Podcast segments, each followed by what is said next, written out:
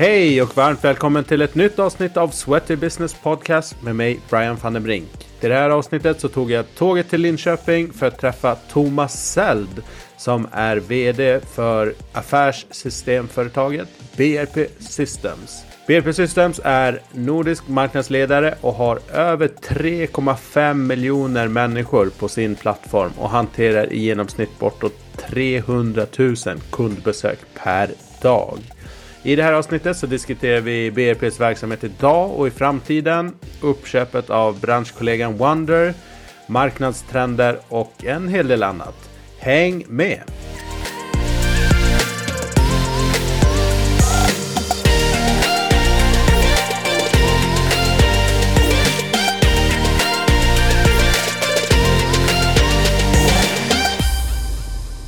Varmt välkomna till Sweaty Business Podcast och jag säger varmt välkommen till Thomas Seld, VD på BRP Systems. Tack så jättemycket Brian, kul att få vara här.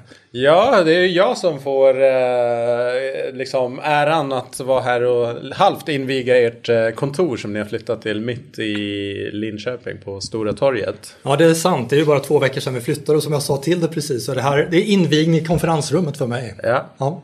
Härligt, supertrevligt. Så ni som är ute på vägarna, sväng förbi eh, BRP och kika in. Gott kaffe och trevligt kontor och trevliga människor också. Du, eh, jag ser fram emot det här eh, snacket. Eh, vi har pratat egentligen redan förra året tror jag kring att göra ett poddavsnitt och sen av olika anledningar så har det inte blivit av liksom. Men också en sån eh, branschjätte, en viktig liksom, infrastruktur i hela träningsbranschen här i Sverige och liksom i, i Norden också. Att prata kring branschen, om er såklart, men också om, om branschen ur ert perspektiv. Um, och få lite, ja, sen du har ju en intressant bakgrund liksom inom IT och andra branscher och internationellt också. Kanske väva in och få lite reflektioner. Kanske vad träningsbranschen kan lära av andra branscher också. Ja, det blir intressant. Härligt! Jag inleder ju alltid med lite uppvärmning eh, med gästerna eh, för att komma in i ehm, matchform så att säga. Vad eh, tränar du själv? Jag försöker träna löpning två gånger i veckan, styrketräning två gånger i veckan. ibland kombinerat. Jag är ju snart 55 så jag börjar acceptera att jag inte blir starkare och jag inte blir snabbare. Så jag tränar ju för att må bra helt enkelt. Mm. Och jag brukar alltid få jag brukar alltid få någon dipp i träningen under året och då märks det, då märks det direkt i, på hur jag mår. Ja. Så man känner verkligen det här, både fysiskt och mentalt, att träningen är väldigt viktig. Härligt. Ja, men det är en bra mix. Ganska lik min faktiskt också. Ja. Fyra, fem pass och för det, löpning och eh, styrketräning. Sen, sen, gillar ju friluftsliv mm. också att vara ute, skidåkning och sådär och paddla en del kajak på sommaren. Man, men jag skulle säga att den eh, bästa upplevelsen för mig det är egentligen när vi vandrar i bergen med familjen. Det har vi gjort sedan sen barnen var små och det är nästan den bästa upplevelsen för mig relaterat till fysisk ansträngning. För då, då gör man någonting tillsammans med de man älskar. Mm. Man är omgiven av storslagen eh, natur. Eh, man har oftast ett mål och jag gillar mål. Man ska nå upp till en topp eller någonting sådär specifikt. Eh, och sen är det mer uthållighet, en snabbhet, vilket passar mig bra idag. Eh, så. Och för det mesta finns det ingen eh, mobiltäckning, vilket jag tycker är positivt. Nej, ja.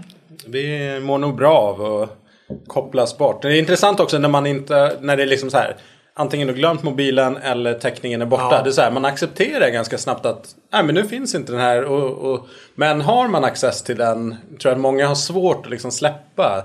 Det är bättre om man vet ja, att den inte finns. Exakt. Ja. Eh, vad läser du för något? Eh, jag läser allt skulle jag säga. Faktaböcker, biografier, eh, romaner, deckare. Eh, det blev nästan bara faktaböcker ett tag men nu är jag mer inne på romaner igen. Så jag vet inte det senaste. Jag tror senast jag läste, jag hade inte läst Claes Östergren så jag läste hans Gentleman, Gangster och Renegater. Mm. Spännande. Jag tror att det är en författare som jag ska ge mig in på faktiskt. Jag har inte heller läst någonting av honom. Nej, det är inga nya böcker direkt. Nej, det är inte. Så här, jag kände, jag, man har länge tänkt att ja. ska läsa någon gång liksom, och nu var det dags. Absolut. Eh, vad lyssnar du på? Alltså när, när jag växte upp då var det väldigt eh, uppdelat. Eh, och jag var, jag var punk och jag var synt. Så det var Ebba Grön, KSMB och Depeche Mod för mig. Eh, jag hade till och med blond tuppkam ett tag. All right.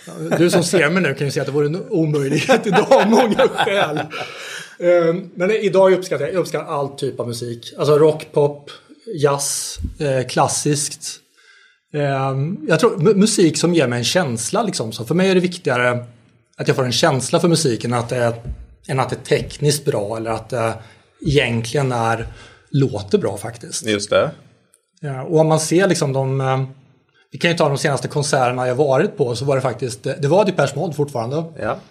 Eh, Linköping, Lasse Winnerbäck. Såklart. Eh, självklart. Och sen var det en stråkkonsert av Mozart. Så det, det, är liksom väldigt, det är väldigt blandat. blandat. Ja. Härligt. Du, eh, om du skulle få obegränsat med pengar, resurser till ett ändamål eller projekt. Vad hade du velat gjort då? Jag tycker det är en, lite, det är en svår fråga liksom. För det finns så, det finns så mycket elände i världen med svält och krig och fler och fler stater som går i mer auktoritär riktning. Sådär. Men om man skulle ta någonting som ligger lite närmare så jag skulle gärna lägga pengar på att ge alla barn samma chans i livet oavsett bakgrund, oavsett vad deras föräldrar gör, var de bor eller vad föräldrarna har för utbildning eller tjänar. Mm. Eh, ge möjlighet till en riktigt bra skola. Eh, ge alla möjlighet till att delta både liksom i idrott och kulturella aktiviteter.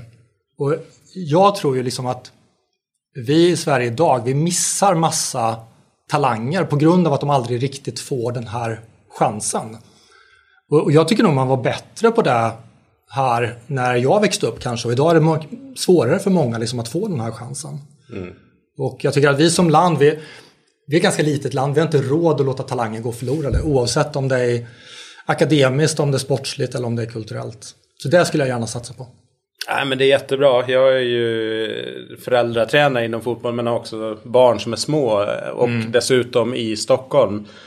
Och liksom kostnaden för aktiviteter. Jag menar idrotten är ändå relativt billigt men det finns annat som barnen kanske kikar på som, som inte vi hade när, när man var barn själv när allt var i nästan gratis. Man kunde ja. vara med i, i allting och då det blir ju snabbt många tusenlappar per termin på olika mm. aktiviteter. Har du flera barn och sådär. Så att eh, nej, där går det i, i fel riktning. Så att eh, mm, mer, mer barn i rörelse.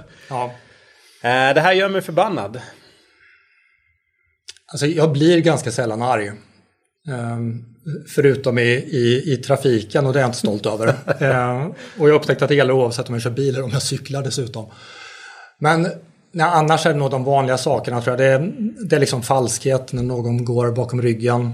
Eh, det är när man går framåt men gör det på, genom att trycka ner andra eller på andras bekostnad. Mm. Mm. Yes, en app som du använder mycket? Eh, ja, ingen överraskning kanske. Det är Outlook-appen. Det är mail och kalendrar. Eh, men bortsett från den så är det väl eh, Omni används mycket. Mm. Lite, lite av en nyhetsjanke. Ja. Så. Och sen är det måttligt LinkedIn, WhatsApp för att ha kontakt med familjen. Men annars har jag faktiskt aktivt valt bort sociala medier och appar faktiskt. Jag har inget Facebook-konto till exempel, Nej. aldrig haft. Jag tror det är jättebra för många, bevisligen. Liksom sådant. Men eh, jag har väl kommit fram till att det, det är inte bra för mig. Det skulle inte göra mig till en bättre människa. Så jag har eh, avstått och försöker snarare kanske dra ner på skärmtid för att få lite mer lästid. Mm. Mm. Ja, men det är bra. Du, eh, här gick det åt helsike. Ja du. eh,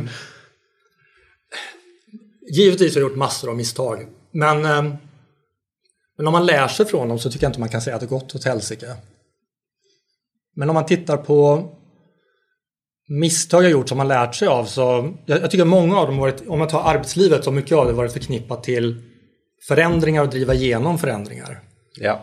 Det jag tror speciellt i början av arbetslivet då, då var jag så uppfylld av att jag tyckte att det här var bra. Eh, och jag visste att det borde vara bra för alla. Och så tänkte jag inte på liksom hur människor reagerar och att vi behöver få känna oss delaktiga, att vi behöver få uttrycka vår åsikt och få tid. Så det gjorde liksom att man sprang lite för snabbt. Och då gick det åt helsike ibland. Mm. Så jag tror liksom att man lärt sig nu att ta, ta tiden att kommunicera. Ta tiden och låta det sjunka in. Det är bättre att låta det ta lite längre tid men det blir ändå effektivare sen när förändringen väl börjar gälla. Ja, och jag, jag tänkte på, jag fick en kommentar en gång när jag berättat om en förändring för, för anställda. Och det är en av de bättre kommentarerna jag fått tycker jag. För då kom en fram till mig och sa ungefär så här att eh, Thomas, jag håller inte med i vad du säger. Men jag uppskattar att du förklarar hur du tänker. Och jag, jag tycker det är lite så livet är. Vi kan inte alla vara överens. Men vi kan alla förklara varför vi fattar vissa beslut. Och det tror jag är viktigt att göra. Mm. Ja, det är spännande. Förändringar är ju alltid eh, svårt. Liksom. Ja. Eh, det, är inte, det är inte enkelt. Apropå föreningsliv så håller vi också på i vårt fotbollslag, äldsta dotterns lag. Och eh, ska vi slå ihop med ett annat lag eller ska vi inte? Och för oss tränare så har vi en väldigt tydlig väg att vi ser fördelarna med att mm. slå ihop. Men när vi presenterade på ett föräldramöte så var det liksom inte alls några positiva vibbar utifrån det. Men nu ska vi tröska det här några gånger till liksom. Men vi hade ju trott att okej, okay, de kommer se samma som vi gör. Men nej. Det, det där är också lite intressant tycker jag. För det är ändå, det är ändå ni som är närmast verksamheten. Mm. Och det är så väldigt lätt som förälder att sitta där och ha en åsikt. Ja. Eh, och jag tycker i många fall genom mina barns uppväxt att eh, man kanske skulle lita lite mer på de som är tränare och engagerade och vara tacksam för att de gör det. Så att barnen överhuvudtaget får den här chansen att träna. Ja, nej men vi, vi håller med. men det, det, är som det är. Men eh, det, vi är en jättebra ja. föräldragrupp så det, det, där löser sig till det bästa oavsett. Eh, vad skulle du säga om du fick tänka till kring eh, träningsbranschen och om det finns någonting som du tycker att mm, här behöver vi nog fundera lite kring vad vi pysslar med? Eh, jag, jag, tänkte lite på mig själv som kund och som alltså konsument i träningsbranschen. Och, eh, jag tycker man skulle tänka till lite mera generellt runt service till de existerande medlemmarna. Eh, jag har uppfattningen att många spenderar mycket mer pengar på att locka nya medlemmar än att ta hand om och behålla de existerande. Eh, flera företag som lägger mycket pengar på kampanjer för att vinna ungefär samma grupp av, av kunder. Och den här kundgruppen är ganska flyktig så oftast får du inte behålla den speciellt Nej. länge heller. Eh, jag pratade för ett tag sedan med en kund som i princip sa att han hade slutat spendera pengar på kampanjer och att jaga nya kunder. Och istället så gav han bättre service till medlemmarna man redan har. Och när han gjorde det, då kunde han höja priserna eh, och öka lönsamheten. Eh, och de nöjda medlemmarna fungerade dessutom som bra referenser för att få in nya medlemmar. Så han fick ändå nya medlemmar. Yep. Så jag tror att genom att flytta pengar från kampanjer och jaga nya medlemmar till service till existerande så har man goda möjligheter både att öka lönsamheten och samtidigt ge en bättre upplevelse för befintliga medlemmar. Mm. Väldigt spännande tanke och smart. Jag pratade med en, eh, en av våra största gymkedjor här, en representant för dem i förra veckan som sa att på året så var nettot 5000 medlemmar plus. Och det här, de spenderar många miljoner på kampanjer. Så tänker mm. man så här. Allt det jobbet för att liksom, öka med 5000 medlemmar på en medlemsbas som är ganska stor. Mm. Liksom. Så att, ja, det är intressant liksom, man skulle skjuta pengar till befintlig eh, medlemsbas um, och se vad som skulle kunna hända där. Men det är ju samma sak i, i bilbranschen. Alla vet om, om du kör till ett visst märke så är det mer troligt att du väljer det märket igen mm. jämfört med att få någon att byta. Men ändå spenderar de ganska lite tid på att få en att känna att man är välkommen att köpa ytterligare en ny bil av samma märke. Yes. Ja, det, vi får väl se då om vi, vi får se mer av den här typen av eh, tänk framöver då.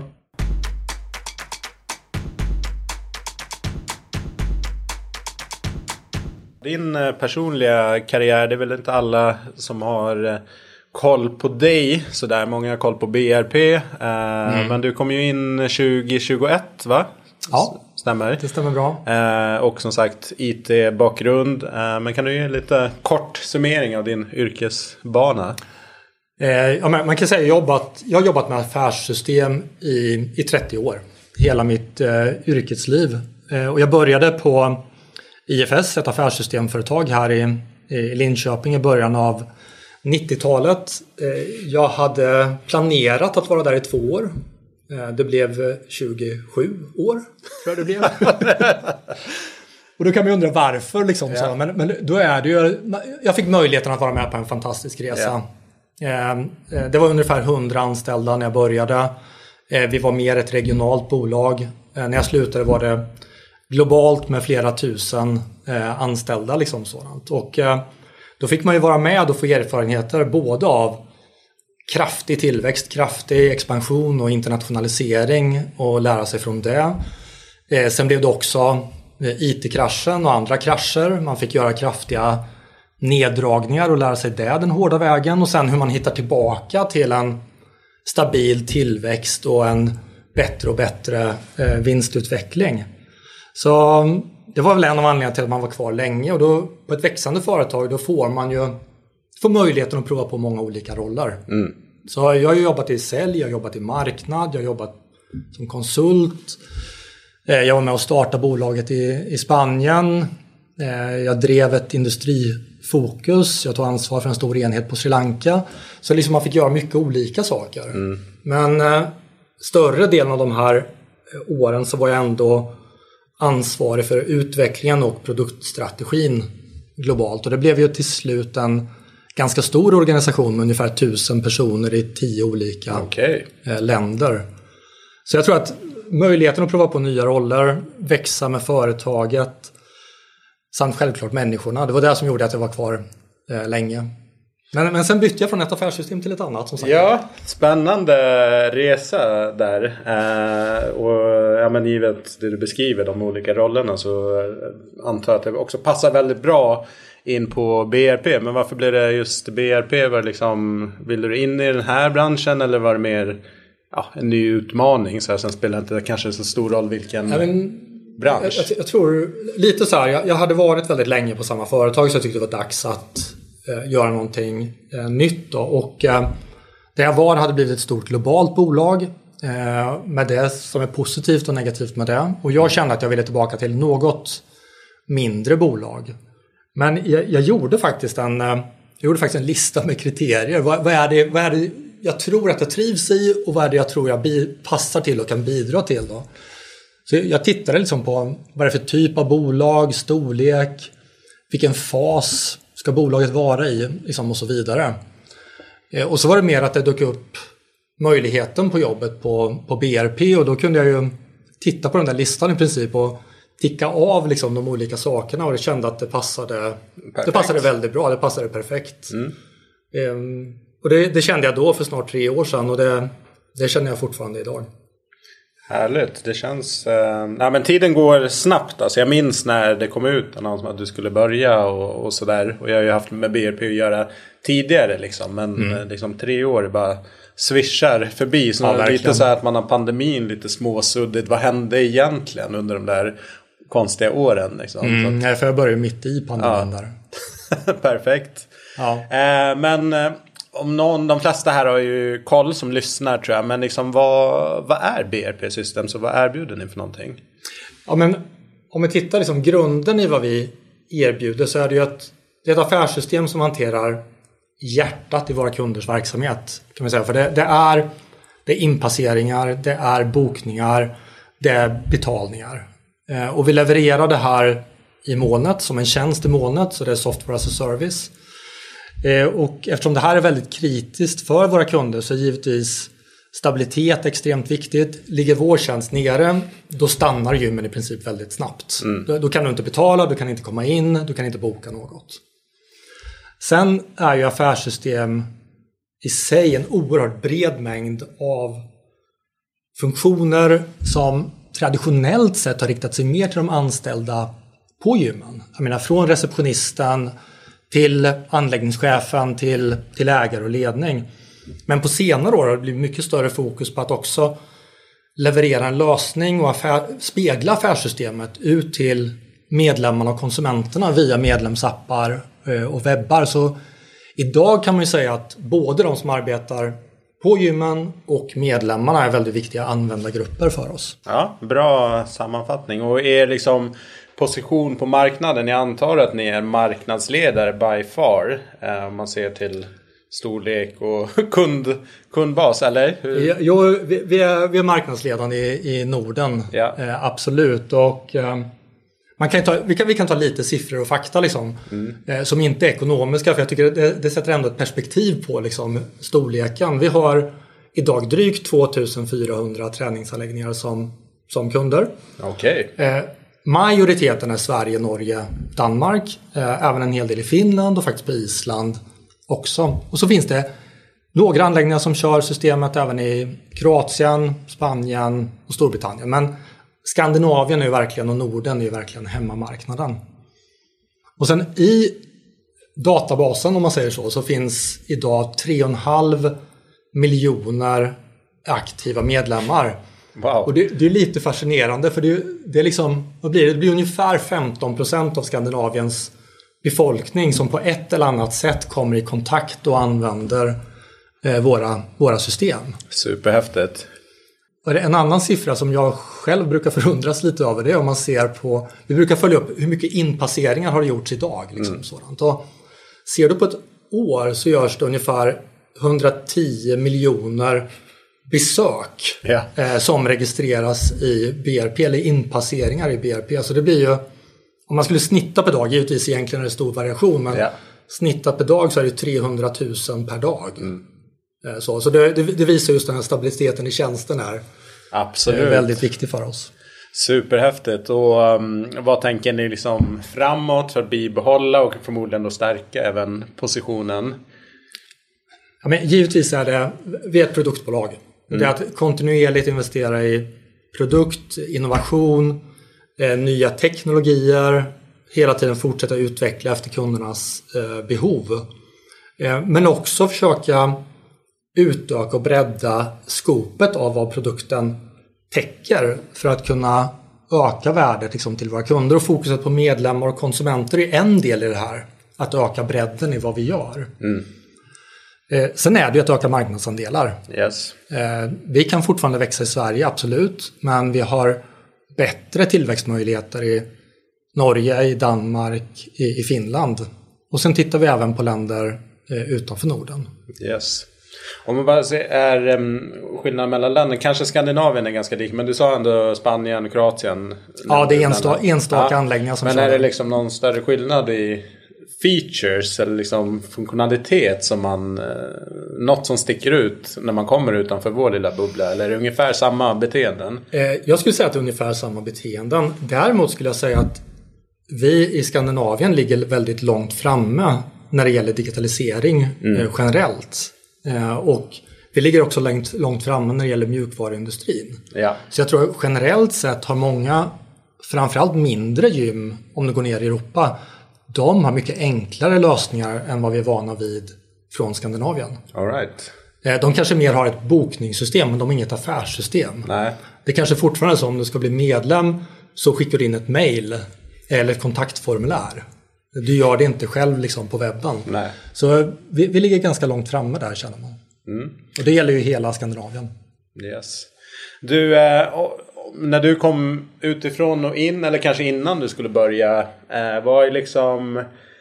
Eh, var det något som, som förvånade dig eller som var överraskande över träningsbranschen när du väl fick lite insyn i den? Jag tror att en, och det här är väldigt generellt och eh, man kunde ha sett det tidigare men det blev tydligt när jag kom in i branschen. Eh, det var ju i och med att jag kom in mitt i pandemin eh, så blev jag väldigt förvånad över synen på gymbranschen från politiker och beslutsfattare. Spännande. Eh, det, det kändes det kändes lite som de var kvar någonstans på 70 80-talet eh, när de beskrev gym.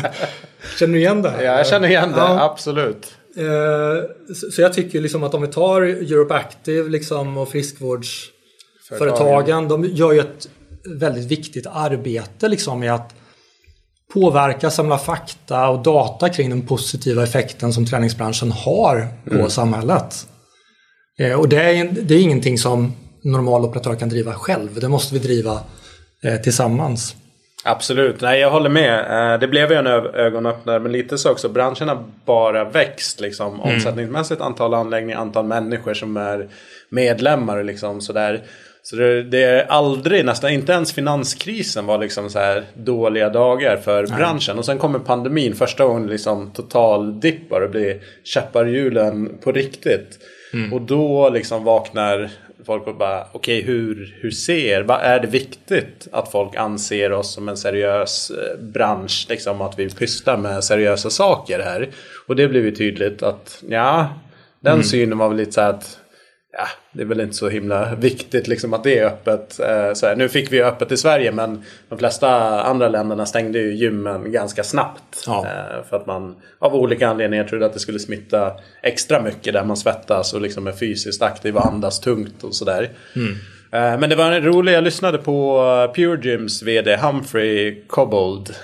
Han var med i en podd under pandemin och då hade de fått, jag tror hälsoministern i, i Storbritannien hade varit och så hade de bjudit ner till en uh, Pure Gym-anläggning och de är ju liksom motsvarande Fitness 24-7. Ja. Uh, och uh, han bara, men det var ett av våra vanliga gym liksom. Men han var första kommentaren från ministern var bara Ja men det är självklart att ni tar ner oss till ett premiumgym. Liksom ett, ett, ett, spetsen i er flotta liksom. Och han bara nej det här är ett vanligt gym liksom. Det är ingenting speciellt liksom. Så att apropå det du sa om att bilden av vad ett gym är kontra vad ja. det faktiskt är idag eh, kan nog skilja sig rätt mycket. Precis, sen tycker jag nästan att eh, debatten i, i media senaste veckan kanske bara mm. visar till viss del att den där synen kan fortfarande finnas kvar där. Och det, och det, stämmer ju inte alls med, med min upplevelse liksom, när man pratar med våra kunder. Jag tycker att de brinner för att få folk i rörelse och bidra till bättre folkhälsa, både liksom fysiskt och mentalt. Mm.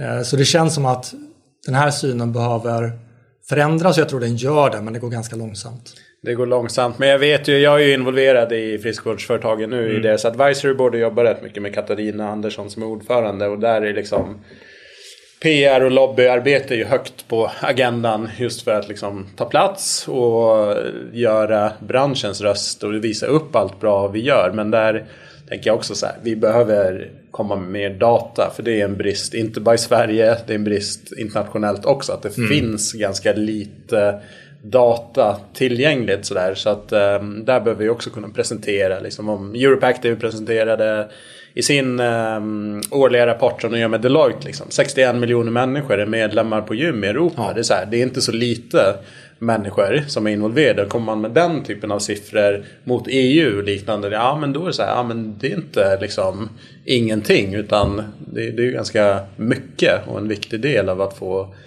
framförallt den vuxna delen av befolkningen att fortsätta vara aktiva mm, upp i åldrarna.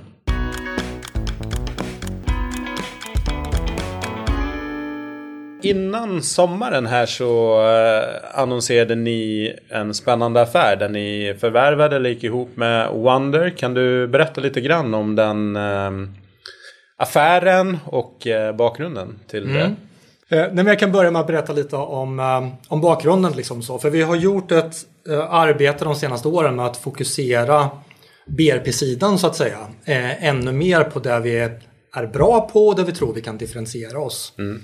Eh, och då gällde det både liksom segment, att vi verkligen är fokuserade på fitness och bad. Det är där vi är bäst och där vi ska vara bäst. Tidigare sålde vi även till lite andra liksom och sådant och det kan vi fortfarande göra om de tycker produkten passar. Men fokuset är jättetydligt liksom på, på fitness och bad. Eh, sedan tittade vi också på storlek av kunder och kom fram till att även om mindre gym givetvis kan köra Eh, BRP så kommer våra styrkor mer till sin rätt om det är en större enskild anläggning eller om det är en kedja. Så det gjorde att vi ville hitta liksom ett företag och en produkt som hade ett fokus och var riktigt bra på liksom crossfitboxar, yogastudior och gym liksom från, från nystartade och upp till, upp till större.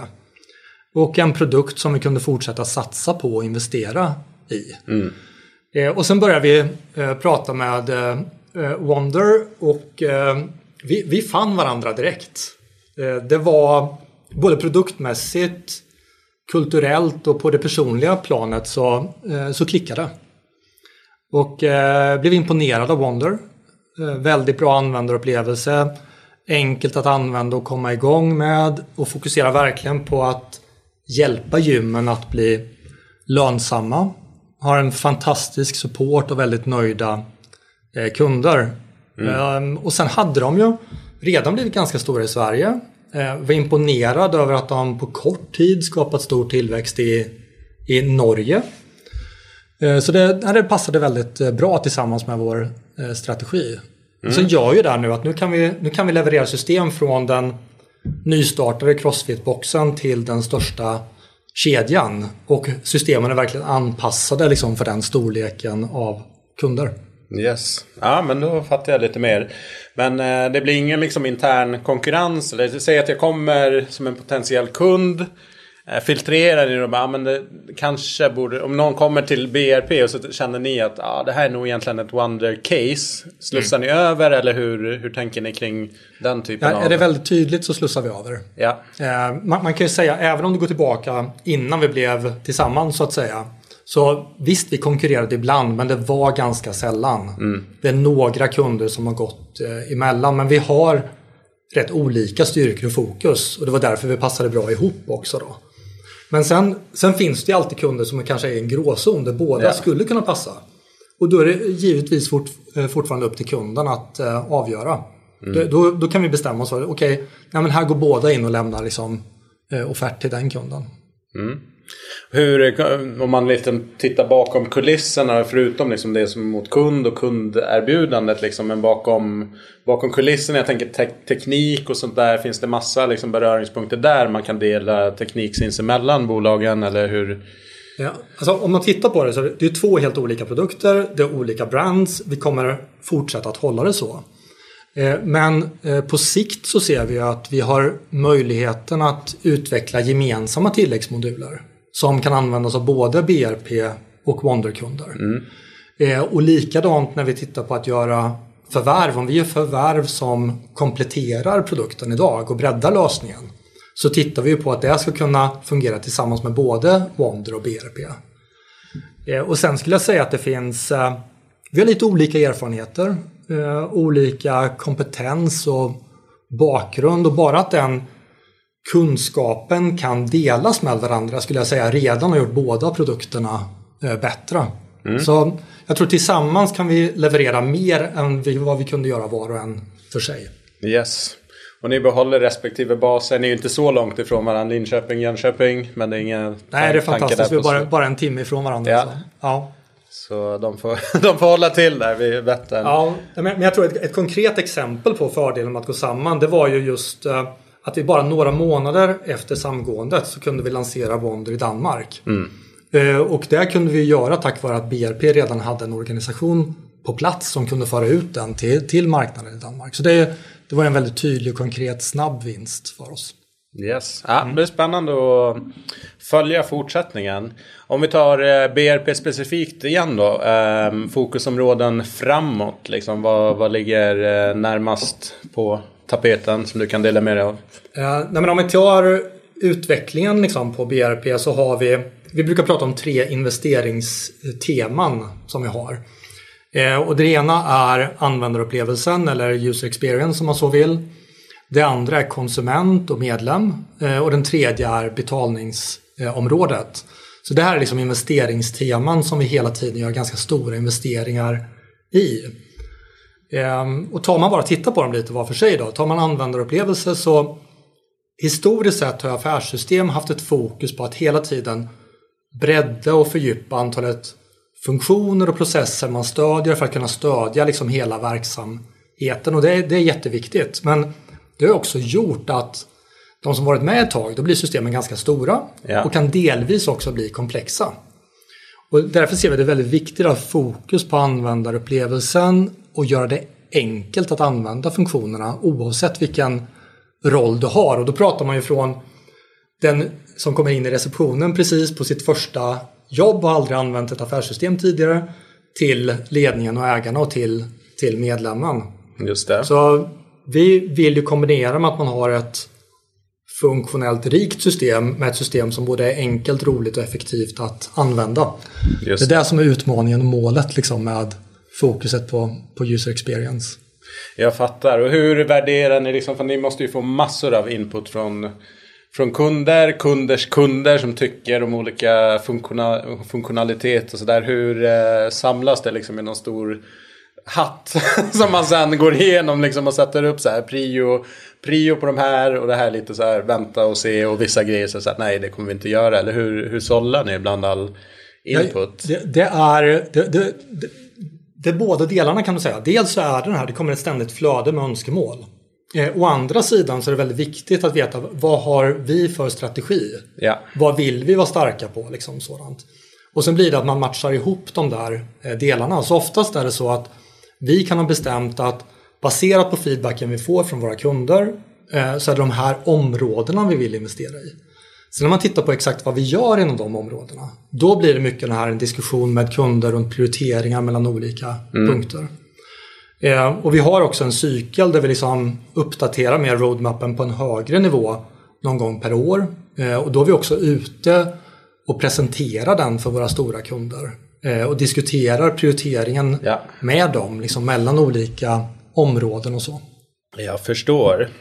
Uh, digitalisering, lite uh, stort och luddigt begrepp ibland men den ångar ju på i liksom hela samhället. Ser du liksom ur ert perspektiv några tydliga trender just på träningsbranschen uh, som händer inom allmänt liksom digitalisering utav Alltså, jag tycker det finns så mycket trender inom digitalisering.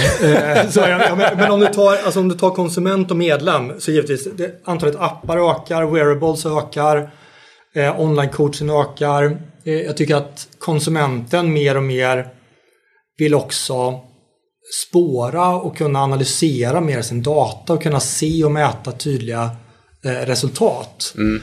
Och det intressanta är kombinationen av det här med många appar så ser vi också andra sidan då att många konsumenter är ju lite irriterade över att det är så många appar de måste använda. Yep. Vilket är en av anledningarna till att vi försöker liksom hela tiden bredda och öka skopet för vad vår app eh, klarar av. Just det. Eh, sen har vi ju eh, en vad vi kallar en self-service-trend som är kopplad mer till affärssystemen och det är ju att alltså, funktioner som traditionellt sett utfördes av anställda på gymmen de vill man ju nu att medlemmen själv ska utföra. Och medlemmen själv förutsätter också att man ska göra det. Mm. Och det här självklart hantera sina bokningar. Men också liksom teckna medlemskap, frysa medlemskap, uppgradera medlemskap, hantera sina fakturer, betala sina no-show-avgifter, fixa sitt friskvårdsintyg. Allt det där är ju saker som förut gjordes på gymmen men nu flyttas ut till medlemmen. Mm. Eh, och det här gör ju både att medlemmen får bättre service men det blir också en effektivisering liksom för, för gymmen och för operatören och frisläpper egentligen mer tid som de kan ägna till mer värdeskapande eh, aktiviteter liksom med sina medlemmar. Så det, den är en väldigt tydlig eh, trend också. Då. Mm. Ja men det är intressant liksom att um man som kund, om jag själv ser mig själv som, eh, ur kundperspektivet att eh, man kan tänka sig att ah, det är nice med service, man, man frågar någon som hjälper en och gör det. Men den här autonomin att man kan sköta det. För jag använder Kinto som en bil, ja. Eh, det använder jag ibland. Och då skulle jag redovisa, det finns en sån här månad, man kan göra en gratis mm. variant. Men sen har du må, olika månads medlemskap och då får du rabatt på varje bokning. Men mm. då skulle jag in, loggade in på mitt konto och skulle jag hämta kvittona för det här 99 kronor i månaden. Men det fanns inte så jag fick mejla till dem och de bara ja det kommer. Och så tänkte jag så här ett helt digitalt bolag där liksom, jag låser upp bilen med appen. Jag, jag, liksom, den grejen finns inte. Men jag tror det visar liksom att det fortfarande inte är helt moget. Det kan fortfarande finnas luckor i processen. Ja. Eller också har man inte tänkt färdigt hela vägen. Liksom, så. Exakt. Jag var lite förvånad sådär för mig att ja. shit har ni inte tänkt på det här? jag tror annars är ju, alltså jag som konsument, jag är ju van vid Netflix och Spotify och tycker att det ska fungera på samma sätt. Mm. Jag vill ju inte boka en flygresa på samma sätt som jag bokade en flygresa för 15-20 år sedan. liksom, Nej, inte alls. Jag ringer faktiskt. inte någon för att göra det. Nej. Nej. Ja, spännande.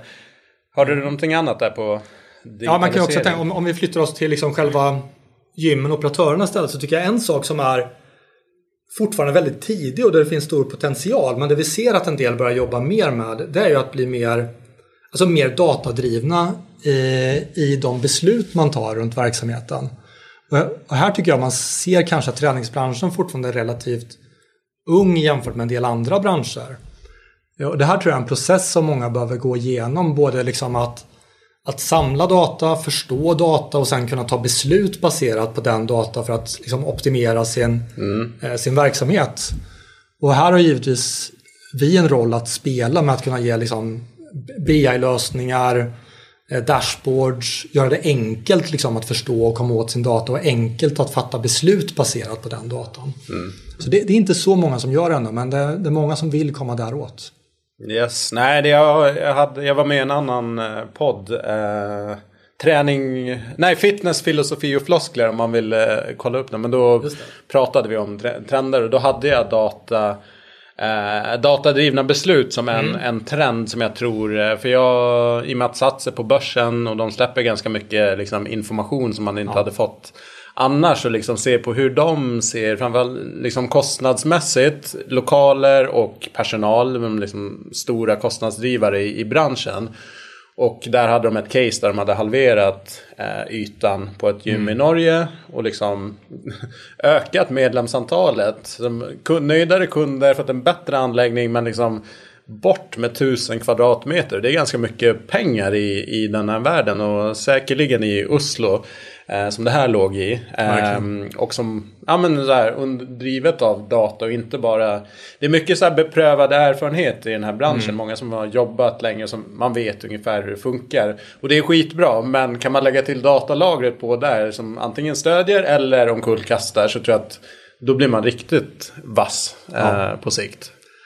Eh, sen en annan sak som vi ser att många kunder visar ett stort intresse kring. Då är, det är liksom runt lojalitetsprogram och eh, gamification. Mm. Liksom sådant. Och det, det, det är väl ganska klart lojalitetsprogram har varit effektiva i vissa branscher för att behålla kunder eh, längre. Eh, och eh, det finns ju de som gör det givetvis i träningsbranschen, framförallt lite större. Men de flesta har ganska dåligt systemstöd för att kunna ja. göra det. Så det här är ett, det här är ett område liksom där vi investerar och det kunderna har verkligen sagt till oss att de vill att vi investerar i. Mm, spännande. Mm. Ja, låter logiskt att komma, komma dit. Som ett sätt att eh, just ja, men belöna och ta hand om de befintliga för lång och trogen tjänst så att säga.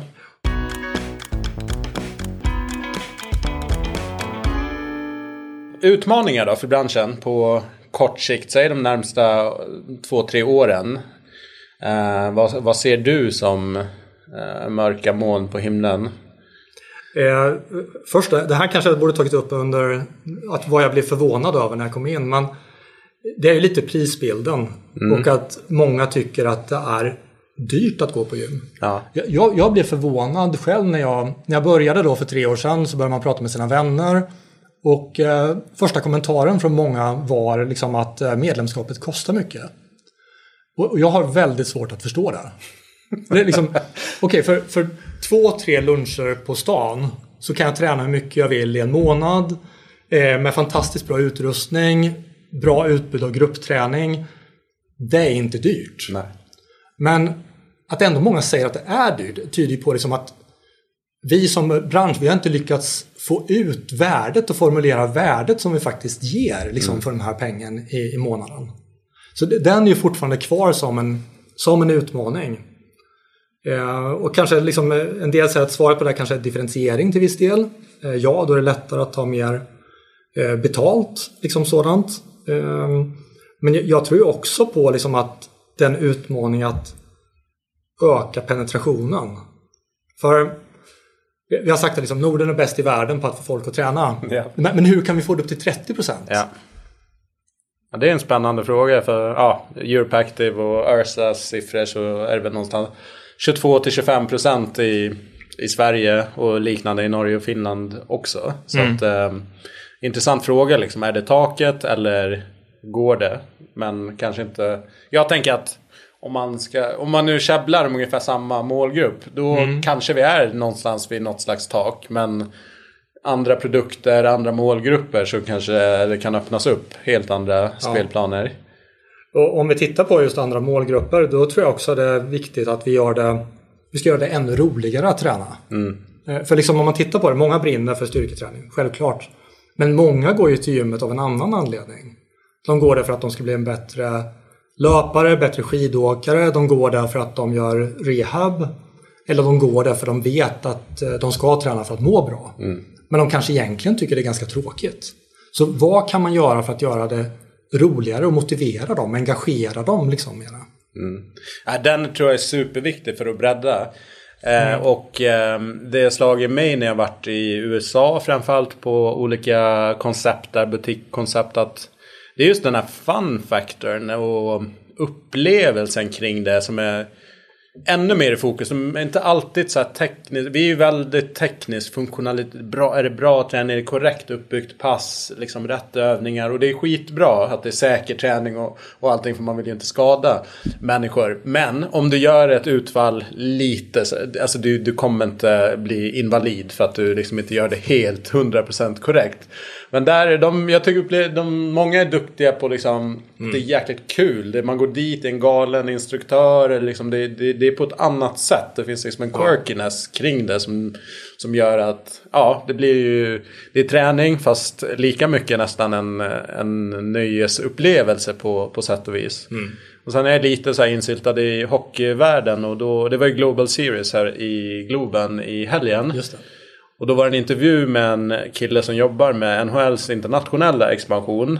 Liksom dels Global Series men ja, olika sätt att nå nya målgrupper. Och då, då var det någon, han som intervjuade pratade om att ah, det var lite så här tråkigt. Alltså, tyckte att det var eh, att amerikaner, att det inte var så mycket fokus på sporten alltid när man kollar vanliga NHL-matcher. Att det är mycket annat, tjo och och popcorn och öl. Och så där, och då sa han bara, men problemet ni är, ni är för fokuserade på sporten. Det är, de flesta kommer dit för att det är kul. De kommer dit med sitt gäng och de liksom dricker öl och de socialiserar och sådär. Sen är det skitbra att det är, det är hockey och det är liksom världsklass. Men bara sporten i sig räcker inte för den liksom amerikanska publiken. Inte när du vill ha en masspublik. Liksom. Du får, kärnan av hockeyfans kommer ju kolla. Liksom. Mm. Men äh, ja, så att det är liksom, det är ju något där i synsättet kring vad man pysslar med. Ja. Sådär att eh, upplevelsedelen får ta lika mycket plats som det faktiska som man levererar. Och då måste du också investera i den ytan liksom, för att kunna göra det. Då får det inte ta liksom, en kvart att köpa en öl i pausen. Liksom. Nej, det går inte. Det... det, så är det ju. Det måste ja. gå snabbt. Bra. Ja. sen, sen, bara kommentera på retention är alltid en utmaning som alla ja. pratar om. Jag, jag tänkte bara det är intressant liksom för vi kan ju se liksom väldigt olika retention rates liksom bland våra, våra kunder. Och vissa har ju så lågt som ner till kanske 3-4 procent. Och andra är liksom runt 50. Mm. Men, men, gemensamt för de här som har väldigt lågt är att de ofta har ett väldigt, väldigt specifikt differentierat koncept och att de skapat en väldigt stark community och samhörighet och sammanhållning kring sitt mm. erbjudande. Så, så det, är, det, är väldigt intressant att se de här spann, spännvidden liksom av retention rate och spännvidden på erbjudanden. Ja, verkligen. Alright, ja men bra, bra spaningar. Det är ju stora utmaningar men också utmaningar som går att göra saker åt. Det är inte heller så helt omöjliga saker att lösa. Det gäller också att våga. Det vore tråkigt om det inte fanns några utmaningar. Eller hur? Ja. Eh, hur ser du på liksom att gå internationellt och liksom expandera BRP Systems? Eh, är det något som ni har i åtankarna genom liksom ert egna varumärke eller liksom förvärv? Eller hur, hur ser den? Ja, nej men absolut. Liksom, eh, eh, som vi sa tidigare, liksom, eh, vi ligger i Skandinavien ganska långt framme både vad gäller digitalisering och mjukvaruutveckling. Så produkterna är ju konkurrenskraftiga internationellt, ingen tvekan om, om det. Eh, och eh, vi tittar på länder utanför eh, Norden och det ligger i planen att vi ska gå i länder utanför Norden de kommande åren. Men det gäller att hitta rätt timing och göra det på rätt sätt. Ja. Sen kan vi göra det här själva, organiskt. Men vi kan också göra det via förvärv. Vi har en förvärvsstrategi som egentligen bygger på att vi letar efter två olika typer av förvärv. Det ena är förvärv som kompletterar vår nuvarande erbjudande och gör det ännu starkare och bredare för kunderna. Mm. Och det andra är förvärv som hjälper oss att etablera oss i en ny marknad. Just det. Mm. Mm. To be continued med andra ord. Yes. Du, eh, andra branscher. Jag tycker det är intressant att kika på dem och liksom försöka översätta det till träningsbranschen. Vad tänker du liksom, när du kikar omkring? Finns det några så här grejer som du ser någon an- i andra branscher som du tänker att okay, det här skulle vi faktiskt kunna göra bättre och ta med oss in i, i vårt sätt att göra saker? Jag tänkte på det jag kom ifrån tidigare. Liksom. Det var utvecklat och sålt system till tillverkande bolag, eh, eh, processindustri, anläggningstung industri, serviceindustri liksom och så. Och sen jämför jag det med träningsindustrins syn på affärssystem. Eh, och då kan man säga att träningsbranschen har väldigt stort fokus på den del av systemet som medlemmarna ser. Mm. Och det är jättebra. Eh, det är väldigt viktigt, det tyder på ett starkt kundfokus.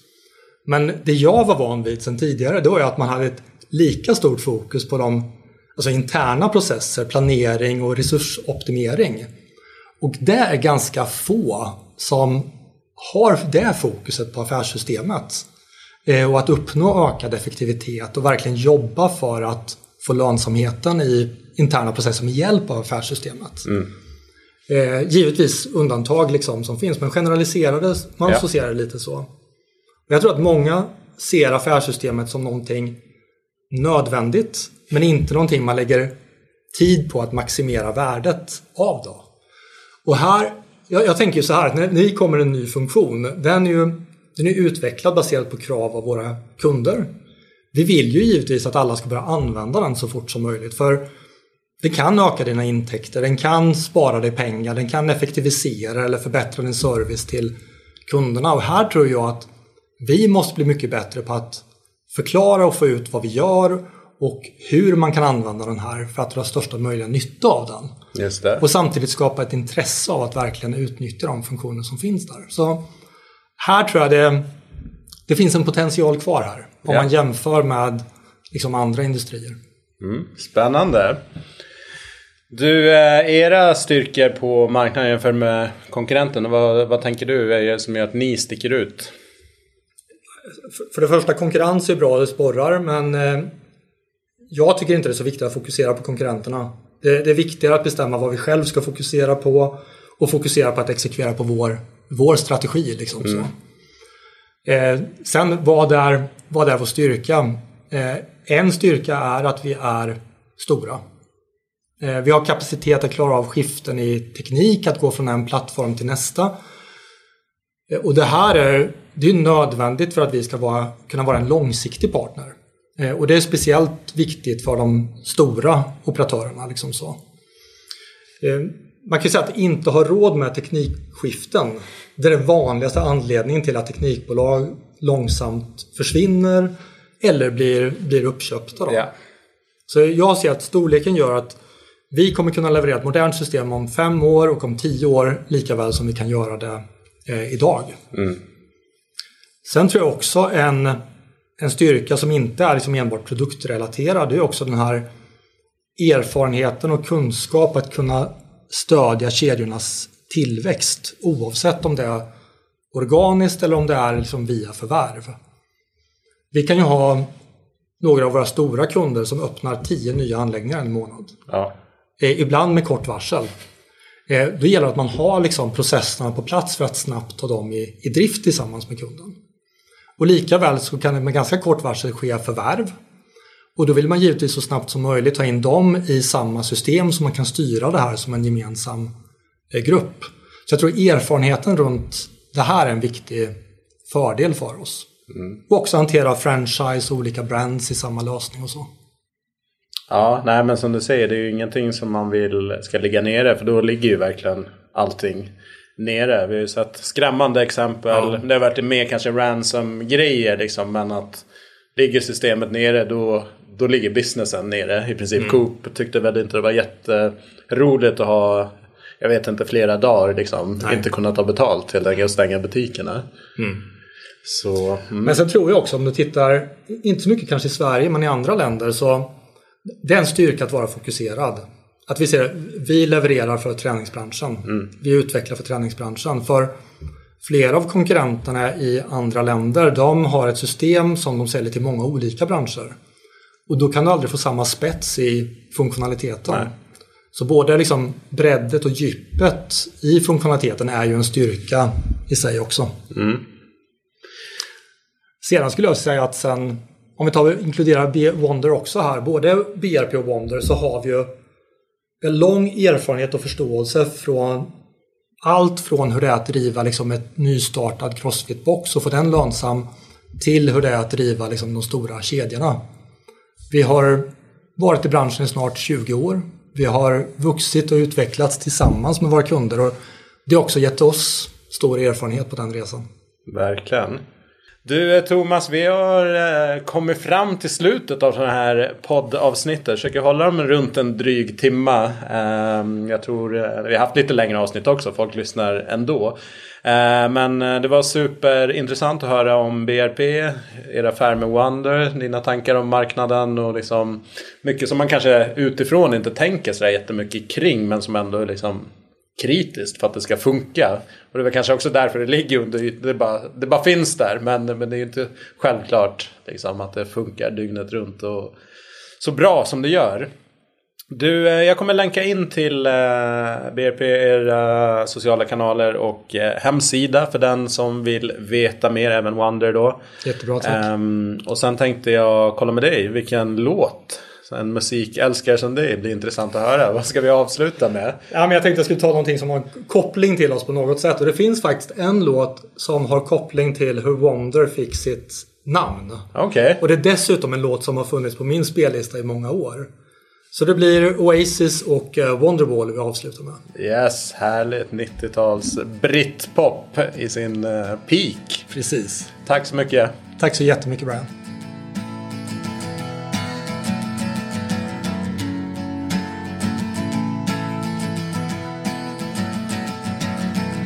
Today is gonna be the day that they're gonna throw it back to you. By now, you should have somehow realized what you gotta do. I don't believe that anybody feels the way I do about you now.